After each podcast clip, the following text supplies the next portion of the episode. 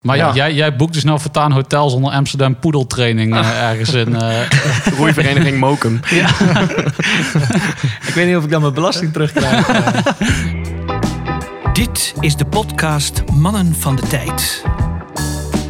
Alles over horloges en nog meer. yes, aflevering 2. Amsterdam Vintage Watches. We zitten er weer. Jasper Lijfring, klaargeboren. ja, ja, ja. Aanwezig, aanwezig. De winkel is inmiddels gesloten. Geeft wat meer rust. Geeft rust, ja. Maar ik eh, vrees dat er toch nog her en der nog wat pakketjes binnenkomen of eh, deurbellen afgaan.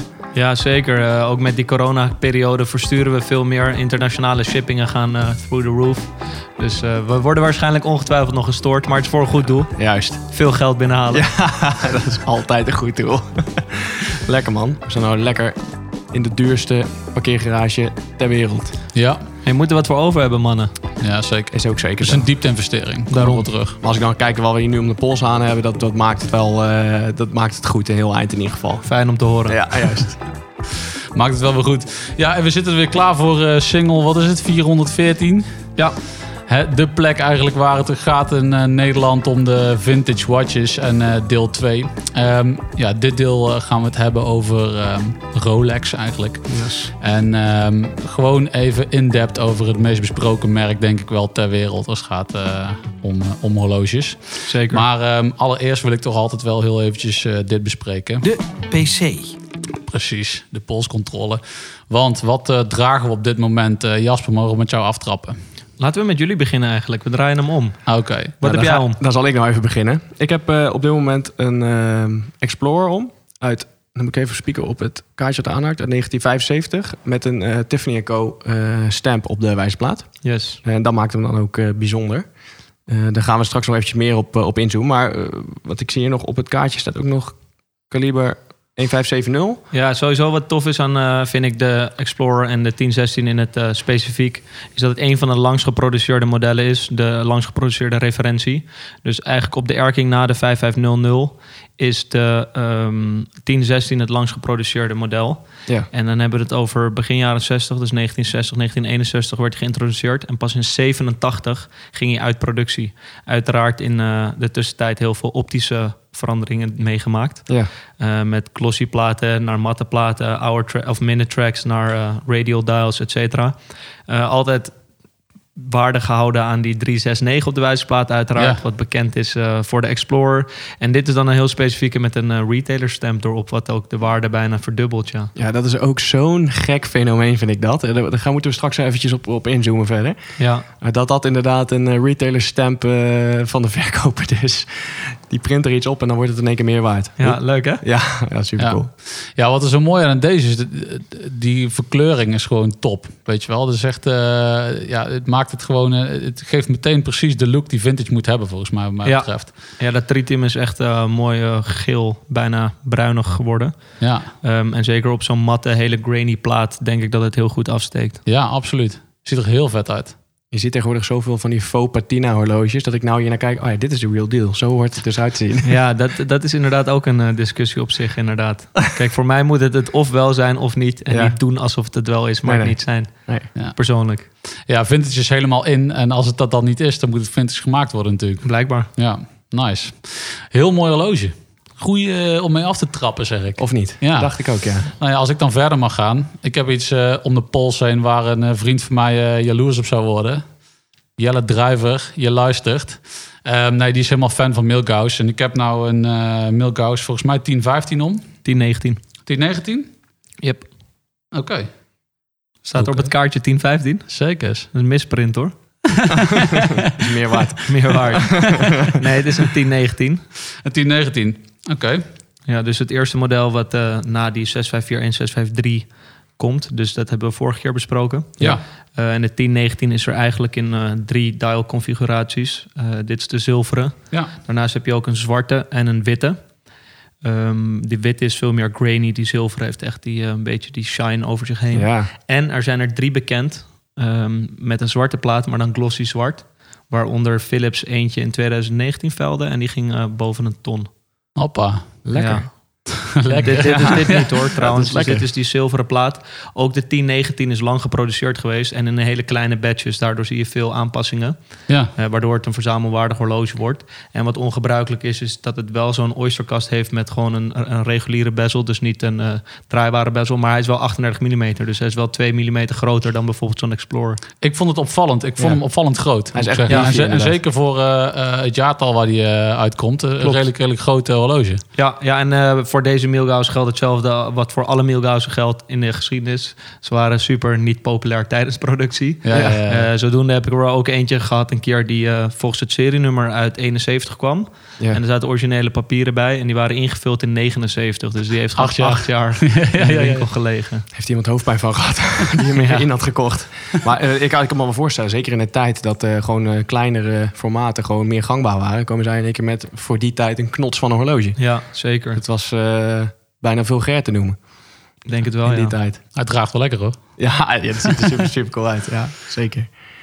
Jasper, Yes. wat heb jij met Pols? Ja, ik heb een eh Patek Philippe. Nee, geintjes. Helemaal Rolex, eh, Rolex vandaag. En ik begreep full nerd mode. Ehm, Ja. Ik kies voor een 5512. En ik denk dat het ook wel eh, soort gelijk staat aan een nerd mode van mensen destijds. Omdat de 5512 kostbaarder was dan een 5513. Terwijl het basically hetzelfde horloge is. Alleen is de 5512 eh chronometer certified. En Ja. daardoor was hij destijds ook een stuk kostbaarder. Eh, wat resulteert in dat er destijds veel minder van werden verkocht. Want mensen wilden dan maar gewoon een sub. En die drie seconden per dag wat het verschilde, boeide ze ook weer niet zoveel. Nee. Ehm, dus ik denk dat dit al destijds werd gekocht door een soort van horloge nerds. Ja, precies. Want ik wilde net zeggen, het is, als de mensen die destijds er dus meer voor over hadden, voor de andere versie, eh, die hadden het dan of voor de status dan waarschijnlijk, Ja. als mensen het al wisten. Ja. Of inderdaad dat ze dusdanig eh, precies waren met hun uurwerken dat ze daar eh, dus het voor over hadden. Dat, is wel, dat is wel heel cool. Ja, ik vind dat tof. En ik vind ehm, esthetisch gezien vind ik zo'n four-liner gewoon nice. Ja. Mhm. ja. Ehm, en deze is dan nog vrij specifiek. Dus tot eind jaren 60 gebruikte Rolex in principe 200 meter, 660 feet. En ze wilden meer voet aan de grond krijgen in Amerika. En toen hebben ze dat omgedraaid Ja. naar meters first of naar feet first. En dus die eerdere versies, zoals deze, die zijn kostbaarder. En dit is dan weer een hele specifieke. En dat noemt men neat font.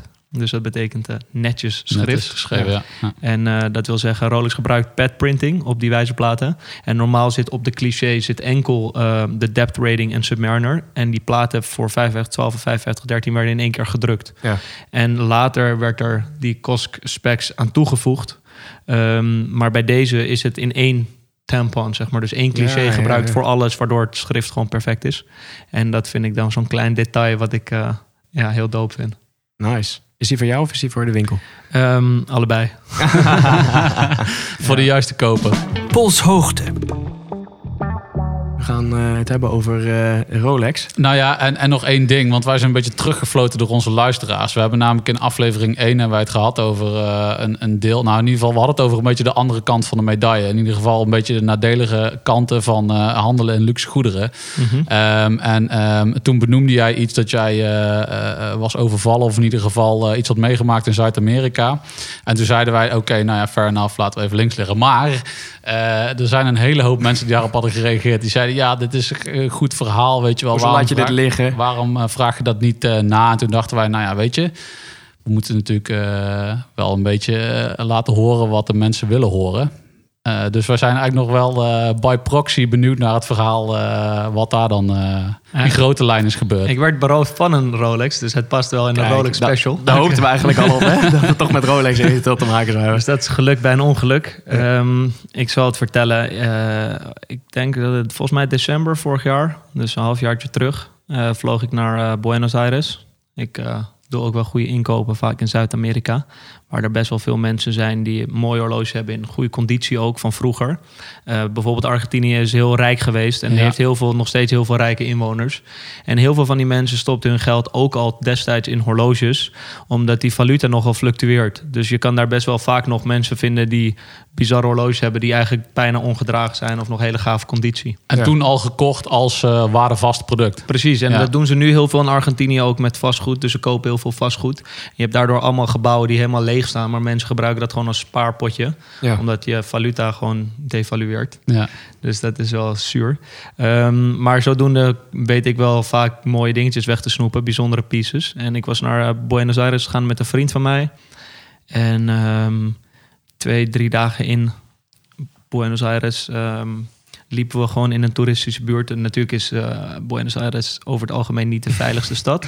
En je hebt daar ook steden als Boca of eh, gebieden als Boca waar je echt moet oppassen. Ja. Een dag daarvoor was een eh, Zweedse man van zijn camera beroofd, want die wilde hem niet afgeven. Die had zo'n dure camera om zijn nek hangen. Maar die had al zijn vakantiefoto's erop en dat vond hij toch wel heel veel waard. En die is 28 keer gestoken. Oh, in Boca. Ja, die hebben echt niks te verliezen daar. Oh. Dus we hadden al dat verhaal mee. Eh, maar ik had een eh 1016 om, een Explorer. Nee, een- de voorganger, 6610 had ik om. Alleen ik had het specifiek op het allerlelijkste, goedkoopste soort kunststofbandje gedaan. Dat je echt, je zag echt niet dat het een kostbaar horloge was. Was dat degene die je daar had ingekocht of die had je meegebracht vanuit Nederland? Ik had hem al eh, in Nederland Als opgedaan. voorbereiding. Ja. En we liepen daar eh, gewoon overdag. We hadden net geluncht en ik liep daar met die vriend. En eh we hoorden opeens keihard motors optrekken. En midden in een winkelstraat in een toeristisch gebied eh, waren er volgens mij vier à vijf gasten. Die eh, echt pistolen en geweren, echt niet gewoon een, een magnum of zo, maar echt een serieus wapen Ja. trokken. En eh, tegen mijn borst aanduwden en ook bij hem. En die zeiden van, eh, give me the watch, give me the watch. Dus alleen Mm. voor het horloge. Ja. En niet mijn portemonnee, niet het horloge van die vriend van me, gewoon alleen mijn horloge. En toen hebben we aangifte gedaan bij de politie uiteraard. Maar toen bleek ook wel dat het gewoon een setup was. Dus Ja. waarschijnlijk had het hotel had, informatie doorverkocht. Oh, serieus? Ja, dat is, behoort tot de mogelijkheden volgens politie ook. Dus mijn assistente boekt het onder info at Amsterdam Vintage Watches. Oh man. Dus dan horen ze al van Oh. oké, weet je. Dus Ja. onder, of onder dwang wordt het dan die informatie afhandig gemaakt... of eh, ze verkopen het door aan criminele organisaties. En die, eh, ja, Dat is ziek, man. Maar Ja. jij, jij boekt dus nou voortaan hotels onder Amsterdam poedeltraining eh, ergens in. eh. Roeivereniging Mokum. Ik weet niet of ik dan mijn belasting terugkrijg. nee, dat is waar. ja, nee, maar dit is wel een uitzonderlijk geval natuurlijk. Ja. Ehm, maar ja, je leert daar ook weer van, denk ik. Ja, ja. Ja. Eh, Ben eh, je daar nou, nou nog... eh, Komt het wel eens terug, zeg maar? Dat je daar, als je nu op inkoop gaat ergens in een, eh, in een minder veilig gebied... dat je daar toch wel wat meer eh behoedzaam op bent? Ehm, het was misschien heel naïef hoe ik daar te werk ben gegaan. Alleen ik had niet het idee... Ik, ik was niet met geld of zo aan het lopen daar. En ik had alleen een soort van Rolex die echt, echt low-key is. Dus ik had het niet verwacht, moet ik Nee. eerlijk bekennen. Maar normaal gesproken, als ik naar de beurs ga in Parma... eh, ik ga volgende week vliegen naar Genève... dan ben ik met beveiliging. Dus dan heb ik een beveiliger bij me. ja. Ehm, dus dan ben ik beter voorbereid, zeg maar. Ja. Maar ja, things happen. Ja, ja, zeker. Maar ik kan me toch voorstellen dat je dan gaat nadenken van wat kan ik hier de volgende keer. eh het doet je, tuurlijk doet je, doet je iets. We praten nou vrij luchtig over, maar dat is. eh, Ja, ik bedoel, Heavy gewoon een pistool eh, Ja. tegen je aangedrukt. Ja, maar een, het, eh, ik 100% en het zijn ook cowboys. Dus wat dat betreft, daar, ze hebben gewoon echt niks te verliezen. nee. En ook als je hoort hoe die andere man om het leven was gebracht. En hier werden we dus tegen een winkelpand ook aangesmeten. Ja. En die vrouw van die winkel rende naar buiten en begon kledinghangers naar ze te gooien. Wat Oh, heel dapper is van haar. ja. ja. Maar het kan ook echt heel dom zijn. Want ze, ja, ze hier zijn niet bang om hulzen te maken daar. Daarom. Nee. En het waren Venezolanen, hoorde ik ook. En die hebben dus ook geen eh, verblijfsvergunning en zo. Dus het, het boeit ze allemaal niet. Ze, Nee, komen nee, ook nee. gewoon zonder masker en zo. Ja. Ze rijden gewoon weer weg. En ze doen het dezelfde dag nog bij twee mensen. Ja. Pakkans zal niet zo groot zijn daar. Precies. Eh, maar ik weet wel dat uiteindelijk doen ze het wel natuurlijk om buiten te maken. En niet om mij iets, iets kwaad te doen. Dus wat dat betreft... ehm, ik heb er geen slaap over verloren. Ik heb wel natuurlijk de eerste dag heb je heel veel adrenaline. Mhm. Alleen bijvoorbeeld die vriend van mij, die had nog elke keer als we motors hoorden optrekken, dat hij soort van schrikt, soort PTSS-reactie. ja, Ja, een ja. soort van. Ja. Eh, ik kan me heel goed voorstellen dat dit Ja. eh, dat veroorzaakt. Ja. Ja. Dus dat was spannend. Ja, nou, dat, eh, dat is een, een, verhaal wel inderdaad. En, eh, Jezus man, want dat brengt je, je werk wel me- mooi met zich mee dan. eh, dit, Ja, soort, eh, dit soort verhalen. Want helaas. dat heeft eh, Jantje op kantoor heeft dit niet, zeg maar. Nee, dat Die is waar. niet mee. Dat is waar. Dus het is eh, never a dull moment. In de positieve zin van het woord, Ja, ja, maar ook negatief af en toe, ja. Ja, ja. Volg ons op Instagram via het Mannen van de Tijd. Oké, nou, ik vind het wel een mooi bruggetje naar een vraag eh, die wij eigenlijk toch wel specifiek hadden voor jou. Waarom dan toch Rolex? Zeg maar, wat is wat, is wat Rolex niet, eh, of wat wel heeft ten opzichte van andere mooie horlogemerken die er genoeg zijn? Zeker. Ehm, ik wil ook absoluut niet eh, andere merken in het discrediet brengen. Nu is het zo dat ehm, in mijn optiek, als je van horloges houdt, hou je van Rolex. Het maakt me geen moer uit of je het mooie horloges vindt of wat je er tegen hebt. Dat kan. Maar als je van horloges houdt, dan hou je gewoon van Rolex. Als je van tekenfilms houdt, dan hou je van Disney. Ook al vind je Disney-films, is dat niet jouw smaak. Maar zonder Disney waren er niet de tekenfilms hoe we het nu kennen. En hetzelfde geldt met Rolex. Uh, ik denk dat ze ook marketing avant la lettre al tot een kunst verheven hebben. Hans Wielsdorf is daar een mooi voorbeeld van. -hmm. En vandaag de dag wordt het juist als een soort van tegenargument gebruikt waarom je niet Rolex uh, zo hoog moet inschatten, omdat het voornamelijk marketing is. Ja. Maar marketing is toch net zozeer uh, een bron van creativiteit en een kunst. Dus ik denk dat Rolex daar een heel mooi voorbeeld van is. En historisch gezien heeft het zoveel aspecten wat belangrijk is voor de ontwikkeling van de horlogerie. En dan heb ik het niet per se in-depth over. Kijk, altijd als ik zeg Rolex is het beste merk ter wereld, nou dat zeg ik heel vaak. Ja. Um, horlogeforum, mooie discussie geweest. onder andere. en dat doe ik natuurlijk ook om uh, mensen een beetje uit de tent te lokken. Het levert altijd heel veel reacties op. Ja. Maar ik geloof dat wel echt. En ik geloof het niet omdat ik daar het meeste geld aan verdien. Maar ik kies daarvoor om me daarop in te zetten. Ja. Dus zoals mijn collega's dat bijvoorbeeld doen met Omega Speedmaster, waar ik dan minder mee heb, ja, daar kan je ook veel geld mee verdienen. Mhm. Maar dat predik ik liever niet, omdat ik vind dat minder leuk. Daar ligt jouw gevoel niet. Mijn gevoel Nee. ligt daar niet. Ja. En wat mijn gevoel bij Rolex wel heeft, ik denk dat heel veel mensen zich daar ook in kunnen, associ- of in kunnen vinden, is dat eerst begin je met horloges en dan hoor je van iedereen Rolex, bla bla bla. En dan ben je heel erg bezig met Rolex. En dan komt er een moment, en dat heb ik zelf ook zo meegemaakt, van dat ik denk van wacht heel even. Er zijn nog heel veel andere hele vette me- merken. Ja. Jaeger-LeCoultre of Lange Seune Ja. of Patek Philippe of whatever, Breguet.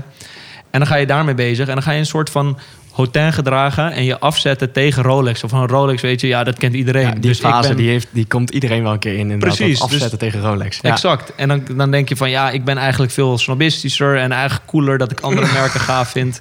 Ehm, en dan komt er weer het moment dat je toch weer terugkomt bij waar het allemaal begon en bij Rolex. En dat je echt de waarde daarvan snapt. En ehm, heel veel mensen hebben het hier altijd over eh, biergebruik. Ja. Eh, voor ons is dat Heineken. En Ja. Heineken en Rolex vind ik ook een mooie combinatie. Iedereen kent Heineken. En daardoor zijn er ook heel veel mensen die soort van zeuren van... ja, jullie zijn allemaal van die dure horloges, dure pakken. Waarom drinken jullie Heineken? Ja, het is gewoon... Het is Ja. chill, het is gewoon het beste, het is gewoon simpel.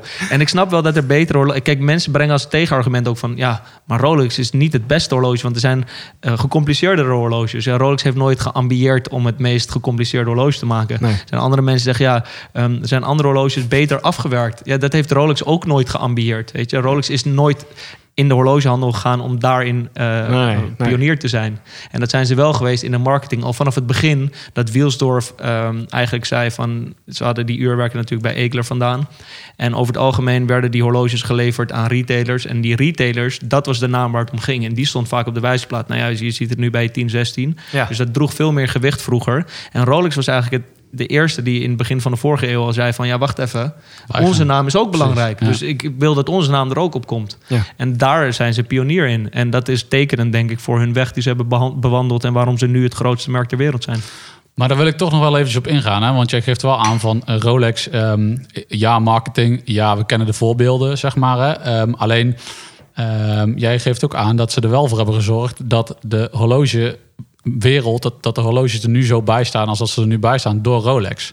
Ja, want alleen marketing, daar ken ik er nog wel een van. Hublot. Ja, ja. daar daar, daar kom maar je niet mee. Ik bedoel, waarom is... Ro- Sorry, ja, ja. precies. Nee, er zit nog natuurlijk nog een hele andere kant eh, eh, aan vast. zeker. Want wat wil je zeggen, van? Ja, nou, waarom is Rolex dan zo belangrijk geweest in, in, in die story? Kijk, ik denk dat je Hublot met daarmee een mooi voorbeeld noemt. En dat is ook veel marketing natuurlijk en opgeblazen. Maar dat is, vind ik, denk ik, maar dat moet de geschiedenis nog leren. Dat is een soort van short-term gains. Uh, en Rolex heeft het op een hele duurzame manier gedaan. En heeft het ook al gedaan uh, vanaf...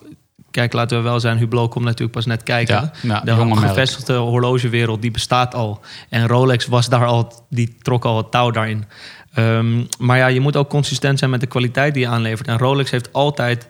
Uh, dat is dus wat de key point is. Daarom hebben ze ook geen gecompliceerde horloges gemaakt, met de uitzondering van een paar. Het ging om de gebruiksvriendelijkheid en dat het een horloge was die je gewoon altijd kan dragen en door iedereen. En hun belangrijkste aspect daarin was natuurlijk uh, 27, toen ze de Oyster casing uh, Mhm. mm Ja. -hmm. brachten. Ik denk dat ze daarmee en met het automatisch gepatenteerd hebben, hebben ze zoveel voor, stappen vooruit gemaakt ten opzichte van de rest, dat dat eigenlijk niet meer in te halen is. Ja, want er zijn ook heel veel dingen die we tegenwoordig uh, bij noem maar elk horlogemerk als vanzelfsprekend be- beschouwen. Ja, Maar er zijn stiekem toch een aardig wat eh, complicaties of, of dingetjes of kleine dingetjes die we eigenlijk te danken hebben aan, eh, aan, aan Rolex. Hè? gigantisch veel. En ik je weet daar ook eens een paar van opnoemen, weet je dat zo? Zeker. Eh, Rolex was de eerste met de introductie van dit Datejust in 1945. Waren ze de eerste die het horloge brachten... waarbij de datum werd gegeven, weergegeven op een eh, draaiende schijf. Ja, dat is ook niet weg te denken nu meer. Is ook niet meer weg te Nee. denken. Alle merken gebruiken dat ook. Nou ja, de, de Oyster Case is denk ik het allerbelangrijkste voorbeeld. Ja, Eh, het automaat, hoe die geïntegreerd is in een Rolex horloge... en hoe optimaal die werkt. ja. weet en dat wel even voor de mensen die nog... Sorry dat ik je onderbreek hoor. Eh, voor de mensen die nog niet helemaal eh into horloges zijn en into Rolex. Je zegt de Oyster Case is heel belangrijk geweest. Kan je Ja. kort even uitleggen wat dat dan inhoudt? Waarom dat zo interessant is? Zeker. Ehm, horloges destijds waren natuurlijk een stuk fragieler.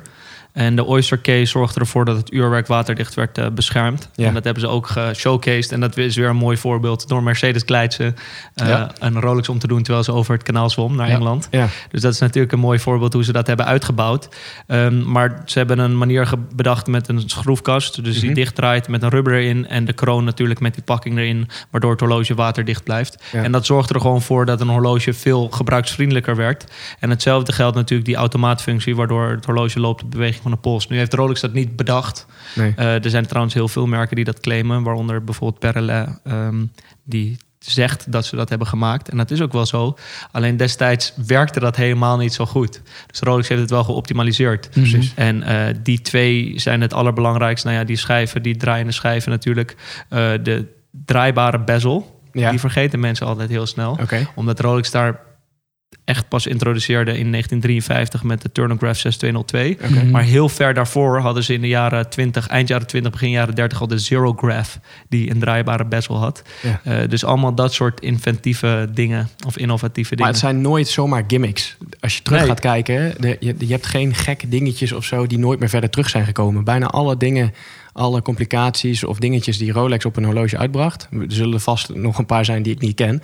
Eh, maar dat zijn geen gimmicks. Dat zijn allemaal eh, Functioneel. Gewoon functionele tools, zeg Ja. maar. Inderdaad, die ook daadwerkelijk werken. Mhm, mhm, Ja. Absoluut. Ja, want mensen zeggen van ja, wanneer gaat Rolex ooit een tourbillon maken? Het is niet dat Rolex geen tourbillon kan maken. Tuurlijk kan Rolex een tourbillon maken. Maar het gaat tegen hun bedrijfsidee in. Want ze willen gebruiksvriendelijke horloges maken. Ja. Eh, niet horloges die eh, veel fragieler worden door middel van het inbouwen van een totaal overbodige complicatie. Ja. Ik snap dat heel veel mensen het heel doop vinden als eh, er een tourbillon wordt gemaakt en zo. Dat kan ik ook wel waarderen. Maar het past niet bij Rolex. Nee. Nee. Is dat dan ook de reden eh, waarom bijvoorbeeld Rolex nooit eh, van die doorzichtige casebacks heeft gemaakt? Exact. Ja. Goed dat je dat opbrengt, inderdaad. Dus dat is eh, een van de dingen wat.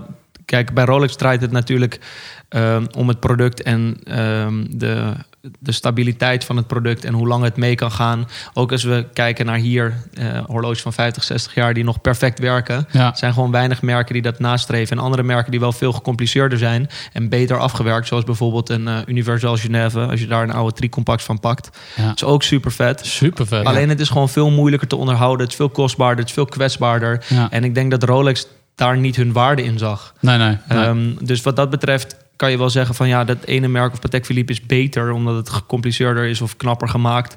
Maar dat heeft Rolex nooit gepretendeerd dat het beter is op dat opzicht. Alleen het is wel beter om dagelijks te dragen, vind ik. Precies, is, maakt het dat ook inderdaad eh, eh, betrouwbaarder en fijner om als eh, vintage-eigenaar een vintage te dragen? Eh, is- ja, dat- Rolex Vintage is echt ideaal. Ehm, als je kijkt gewoon naar een simpel model als een Datejust... die ook best wel prijstechnisch gezien interessant is... Ja. dan merk je gewoon dat de onderhoudskosten daar ook beduidend lager liggen... dan bij whatever, Patek Philippe of Audemars Piguet of Jaeger-LeCoultre.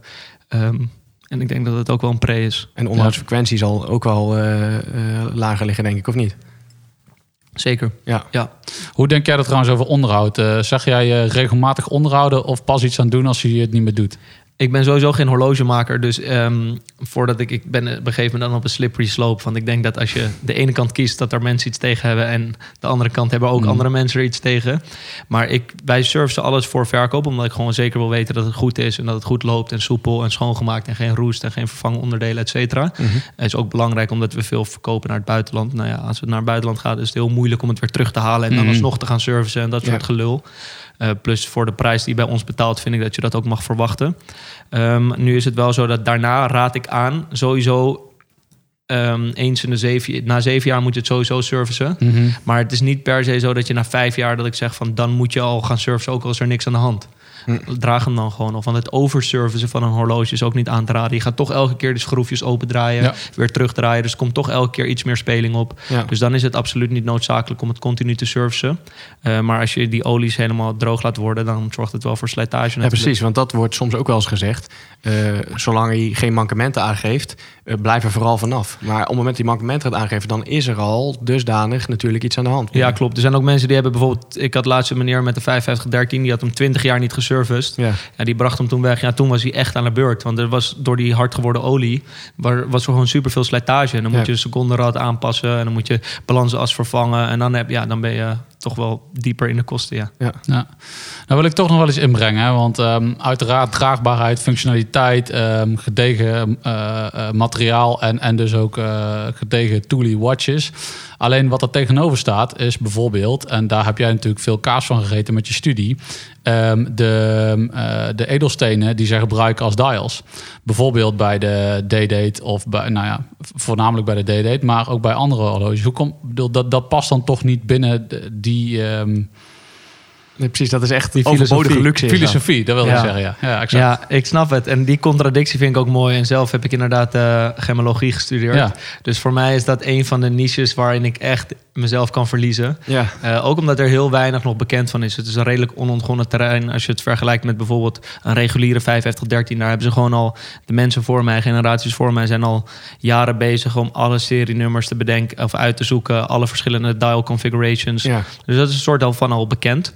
En met de Stone Dials, ten eerste is het heel zeldzaam. Dus Rolex heeft het vrij weinig gemaakt. En ten tweede is er gewoon heel veel en foutieve informatie en gebrek aan informatie. Dus stenen wijzerplaten die foutief, bijvoorbeeld een groot voorbeeld is de Marble Dial. ja. Wat absoluut geen eh, marmer is, maar het is howlight. Dus het is een howlight dial. Maar iedereen noemt het en veilinghuizen ook nog steeds Marble Dial. Een soort nickname. Maar ja, maar het is gewoon een ander materiaal. Dus dat het is de. Jasper Daal. De Jasper Dial is natuurlijk mijn favoriete voorbeeld. Ehm, dat is ook een grappig verhaal. Dus dat is... Het ligt zo. De moedergroep heet Jaspis. Ja, Ehm, Bloodstone is een bepaalde jaspis met hematiet inslu- insluitsels. Dus dan krijg je die rode spikkeltjes en dan Mhm, noemen ze ja. het Bloodstone. Maar je kan het een Bloodstone noemen. Maar uiteindelijk is de moedergroep nog steeds jaspis. En dat is in het Engels Jasper. Mhm. Dus wij hebben het soort van omgedoopt van het is een Jasper dial. Dus nu wordt dat ook gebruikt als zijn de, aanduiding voor dat, eh, dat model. Ja. ja, dat is echt. Maar hoe, hoe ging dat in die tijd? Zeg maar, als je een, een Stone eh, eh, D-Date kocht, Mhm. stond hij de brochure? Of, is, of, of belde je dan iemand van Rolex en zei van... ik, ik luister een D-Date vet, alleen eh, doe mij daar eventjes, knal daar een opaal in. Ja, nou ja, inderdaad, zoals je al aangaf, het is eigenlijk niet passend binnen de filosofie van Nee. Rolex. Alhoewel Rolex, ondanks dat het vroeger een stuk minder kostbaar was, ehm positioneerden ze zich wel het hoogst in de markt. En de D-Date is het vlaggenschipmodel altijd geweest. Dus er waren weinig horloges, überhaupt van alle merken, die kostbaarder waren dan een D-Date. Dus het is altijd het duurste model geweest. En daarvoor hadden ze ook natuurlijk hele mensen met heel veel aanzien, die in kringen bevonden waar iedereen een D-Date had. Ja, Ja. Die, dat waren de mensen die toen naar de winkel zei, gingen en zeiden van ja, weet je, ik snap dat het D-Date heel eh, bijzonder is voor heel veel mensen. Maar iedereen heeft hem bij mij. En mij heeft iedereen hem. Dus wat kunnen we voor geks gaan doen? Ja, toen kwam je bijvoorbeeld die Stella dials met die gekke kleurtjes. Ja. eh, of Stone dials. Ja. Ehm, en dat past inderdaad niet per se in de filosofie van Rolex. Ook omdat het een stuk fragieler is. Ja, juist. Eh, maar dat, zo'n uitzondering, dat is juist heel vet. En je hebt hetzelfde met... Je hebt wel triple calendars van Rolex, van Jean-Claude Killy bijvoorbeeld. Of de Truebeat, die dan een tikkende secondenwijzer heeft. Dat soort Mhm. complicaties. Nou, Ja. ja, chronografen van, van vroeger van Rolex eh, zijn daar geen uitzondering op. Dat zijn gewoon meer... eh, ja, van die hele kleine badges. En dat maakt het juist extra tof. Hetzelfde is andersom, kan je het ook be- bedenken. Dus Patek Philippe is natuurlijk, heeft zichzelf altijd heel hoog gepositioneerd. En van wij zijn de beste. En wij maken juist alles super gecompliceerd. Ja. En in edele metalen. Nou ja, als je nu een Patek Philippe hebt in het staal, is hij veel kostbaarder voor vroeger dan in Ja. het goud. Ja. De reden is gewoon zeldzaamheid. Want Patek zegt, nee, het stalen modellen gaan we niet maken. Ja, maar ja, als jij een- bijvoorbeeld een 1518, die is in het staal verkocht, dus een eh, perpetual calendar, Ja. eerste gecommerciële, gecommercialiseerde lijn eh, perpetual calendars.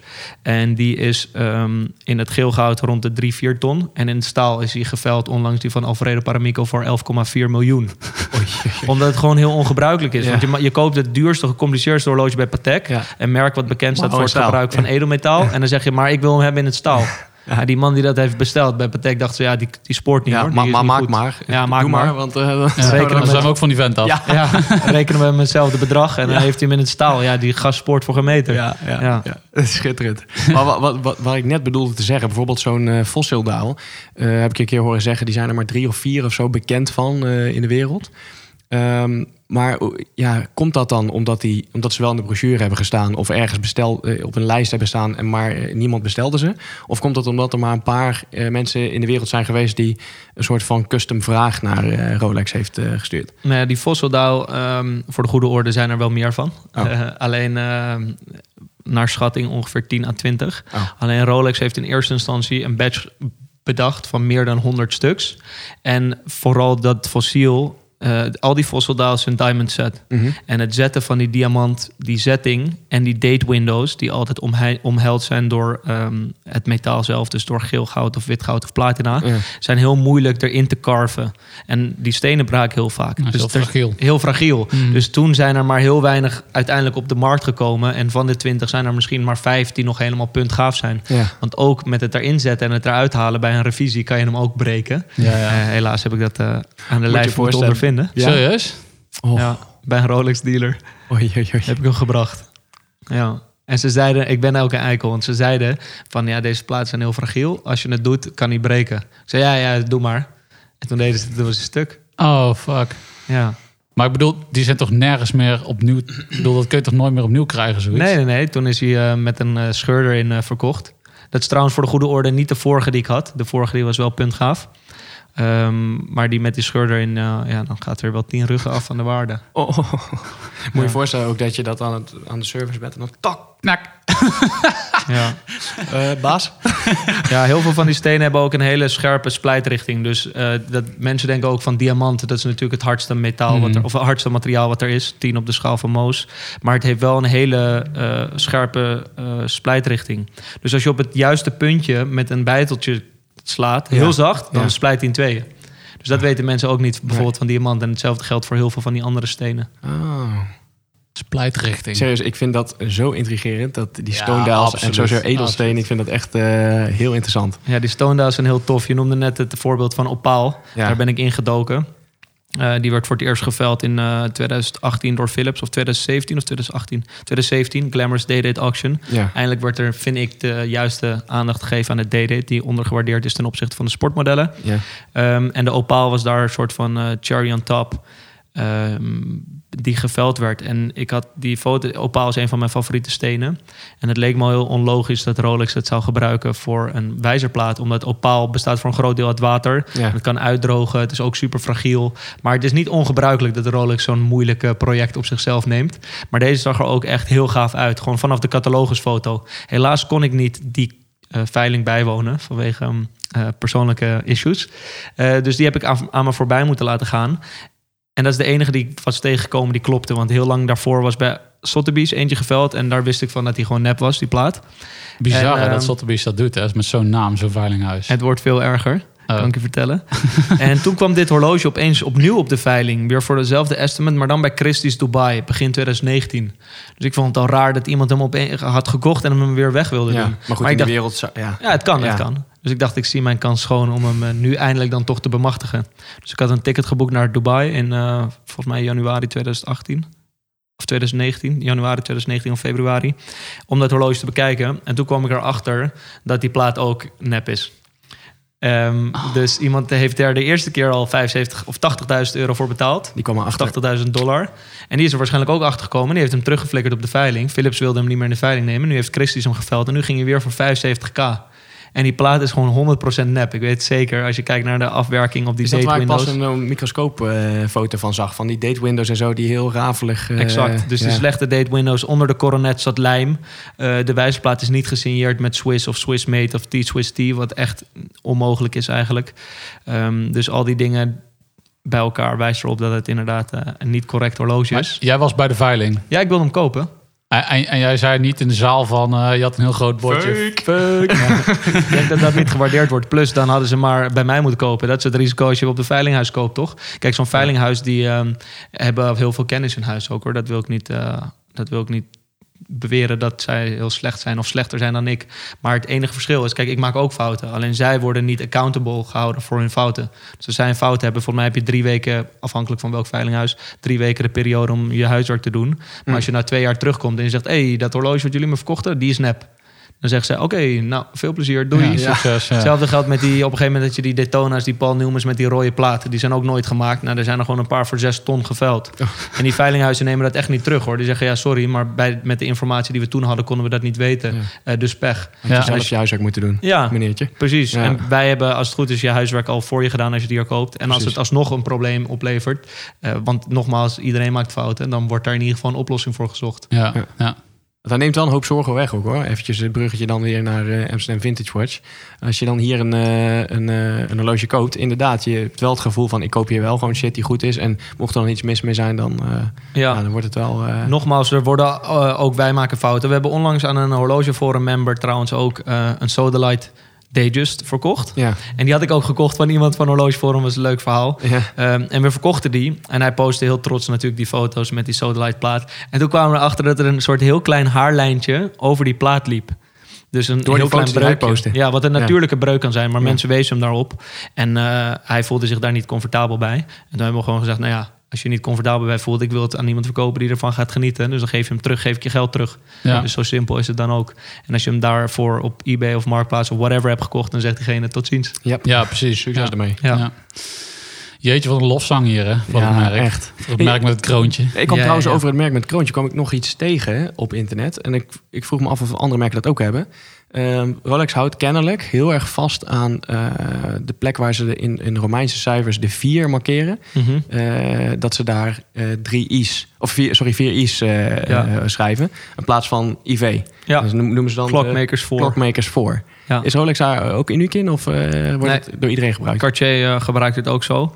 Er zijn meerdere theorieën over waarom dit zo wordt gebruikt. Overigens is het niet zo dat Rolex bij alle platen eh, drie i'tjes gebruikt of vier i'tjes gebruikt in plaats van IV. Ja. Eh, maar dat hebben ze wel veel gedaan. En Cartier dus onder andere ook. Gerard Perregaux heeft het ook gebruikt. En de reden is heel Sorry, simpel. Gerard Perenboom. Gerard. Oké, ja. Eh, reden is heel simpel. Het is puur esthetisch. Het ziet er Ja, gewoon nicer, gebalanceerder uit. Ja, ja, ja, Dus ja. eh, zodoende hebben ze daarvoor gekozen. Oké.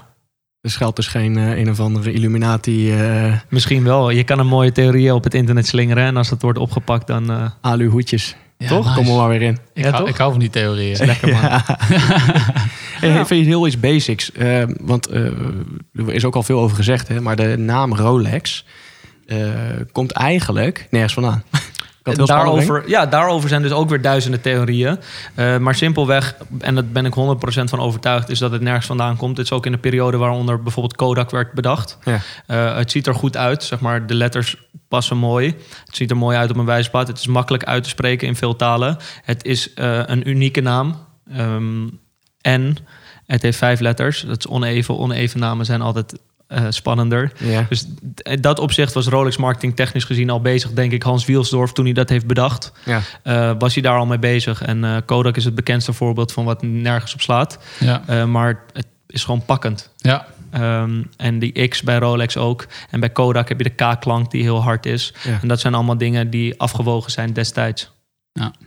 daar is over nagedacht over die shit. Ja, Ja. Dat is, eh, jongen, dat is bij, er is nergens niet over nagedacht bij, eh, bij de marketing van Rolex. volgens Precies, dat is wat ik Ja. ook... eh, dit vind ik een hele plausibele theorie. Er zijn andere mensen die zeggen... Rolex staat voor horlogerie, ex, horlogerie exquise of zo. Maar volgens mij schrijf je dat dan OR, niet RO. mij. Ja. Ja. Dus ik, dat vond ik ook onzin. Eh, al die andere theorieën lijken me ook makkelijk te ontkrachten. Nou, Oyer heeft zo. ook vijf letters.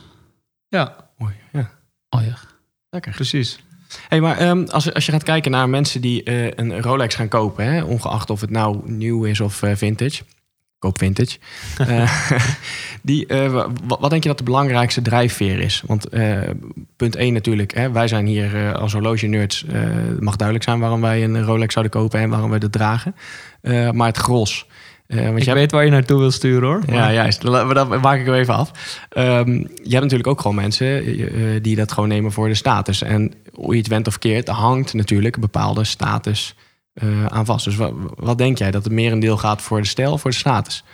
status is bij Rolex eh, onlosmakelijk verbonden met de marketing. En daarin vind ik dus weer, als ik eh, het verhaal iets mag ombuigen, Ja. vind ik dat eigenlijk een, een pre van een Rolex. En dat is ook de reden waarom vandaag de dag een product wat de primaire functie totaal heeft verloren, nog steeds relevant is. Want laten we niet vergeten, bij de kwartscrisis werden horloges veel preciezer en veel goedkoper. Dus mensen kochten het niet meer om die reden. Wordt aangebeld. Ehm, dat is een eh, courier. Mensen kochten het niet meer om die reden. Ehm, maar mensen kochten nog steeds Rolexen. En de reden was dus omdat Rolex het in eerste instantie al niet verkocht... als zijnde per se dat het ging om, om het functioneren, om de tijdaflezing. dus dat Ja. was toen al verheven tot een statussymbool. Dus mensen kochten toen nog steeds heel veel geld... of betaalden heel veel geld voor een Rolex. Ja. En eh, dat zie je ook aan de verbinding met de beroepen in eh, vakgebieden met heel veel status, zoals Ja. piloten, racecar drivers, eh, astronauten, ehm, dokters, eh, noem nog eens eh, ingenieurs voor de Milgauss, eh, explorers, eh, spelo- Presidenten. dat is de beste inderdaad, speleogen, allemaal dat soort mensen, weet je. Ja. Ja. Maar dat is ook wel grappig. Hè? Elke gast die wij in onze podcast hebben die met een, eh, een Rolex aankomt, en vooral dan een D-date, dan vragen we aan van wat, ja, wat, wat drijf je nou? Wat vind je nou zo mooi? Ja, ik zie dan voor mij, en dan komt er, of eh, het laatste keer hadden we eh Dapper Dutch Dude bij ons, die zei, ik zie dan Tony Soprano, zie ik dan. Ja, Ruud heeft hem gewoon wel eens gekocht hoor. ja, ja, dat heeft hij ook heeft hij eerlijk toegegeven. Maar mijn collega Ramon Soprano noemen we hem altijd. Die heeft hem aan hem verkocht. Dus vandaar dat hij dan Tony misschien ziet. nee, maar ik snap het heel goed hoor. En eh, voor veel mensen, en dat vind ik altijd een, een drogreden... is de reden om geen Rolex te kopen... omdat heel veel mensen hem hebben of zo. Of de mensen hem hebben die ze niet mee geassocieerd willen worden. En dan denk ik, volgens mij koop je sowieso een horloge voor jezelf... om het zelf tof te vinden. Ja. Ehm, Eens. en ook dat er bijvoorbeeld heel veel neppers van zijn. Dan denk ik ook, hoe is dat een motivatie voor je om het niet te gaan kopen? Want je koopt het toch voor jezelf. Je weet van je eigen dat Ja. die echt is, toch? ja, ja, ja. Ja. daar ben ik het helemaal mee eens. Dat is voor mij persoonlijk dan, eh, eh, ja, een imitation. Of eh, imitation is the best form of flattery, toch? Lekker. dat is een mooie. Nou, ik vind het wel een hele mooie om hem daarmee eh, te rappen. Want eh, we hebben nu een Rolex eh, lofzang gehouden. Maar ehm, wat ook nog wel mooi is, is dat je natuurlijk ook nog andere eh, merken verkoopt. Zeker. En eh, waar ook heel veel mooie verhalen over te vertellen zijn. En daar willen we eigenlijk in de volgende aflevering nog eens even wat dieper op ingaan. Hè? Want we hebben het dan onder andere over eh Audemars Piguet, eh, Cartier. Bijvoorbeeld waar jij nu een helemaal een... eh, Gezellig. ja, toch? Waar je nou eh, op verder op wil gaan. Toch, Ja. Jos? Laten we afsluiten met de slogan: uiteindelijk wil je toch een Rolex. Lekker man. ik hoor een nieuwe slogan aankomen. nieuwe slogan. Mag ik, die, eh, mag ik die overnemen? Ja hoor. Lekker man, dankjewel. Wat je ook doet, uiteindelijk wil je toch een Rolex. Tot de volgende. Tot de volgende. Ciao. Dit was de Mannen van de Tijd podcast. Abonneer je nu via je favoriete podcastplatform. Of volg ons op Instagram via het Mannen van de Tijd. Tot de volgende. Daar kun je je klok op gelijk zetten.